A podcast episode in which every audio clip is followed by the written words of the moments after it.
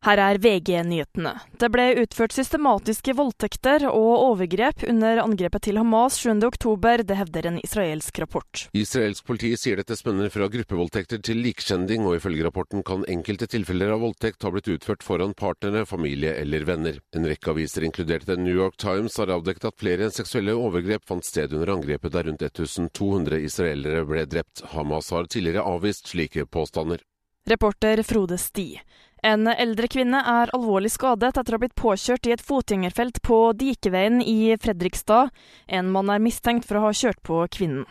En bestemor er dømt til tvungen psykisk helsevern etter å ha kastet barnebarnet sitt ut av vinduet på Nesodden i fjor. Dagbladet skriver at hun selv skal ha oppsøkt og ta seg inn i boligen der ettåringen og foreldrene bodde. Vinterbølgen av korona er nå over, ifølge FHI. Samtidig er det fortsatt en del som smittes av influensa. I studio Miriam Alsvik, nyhetene får du alltid på VG.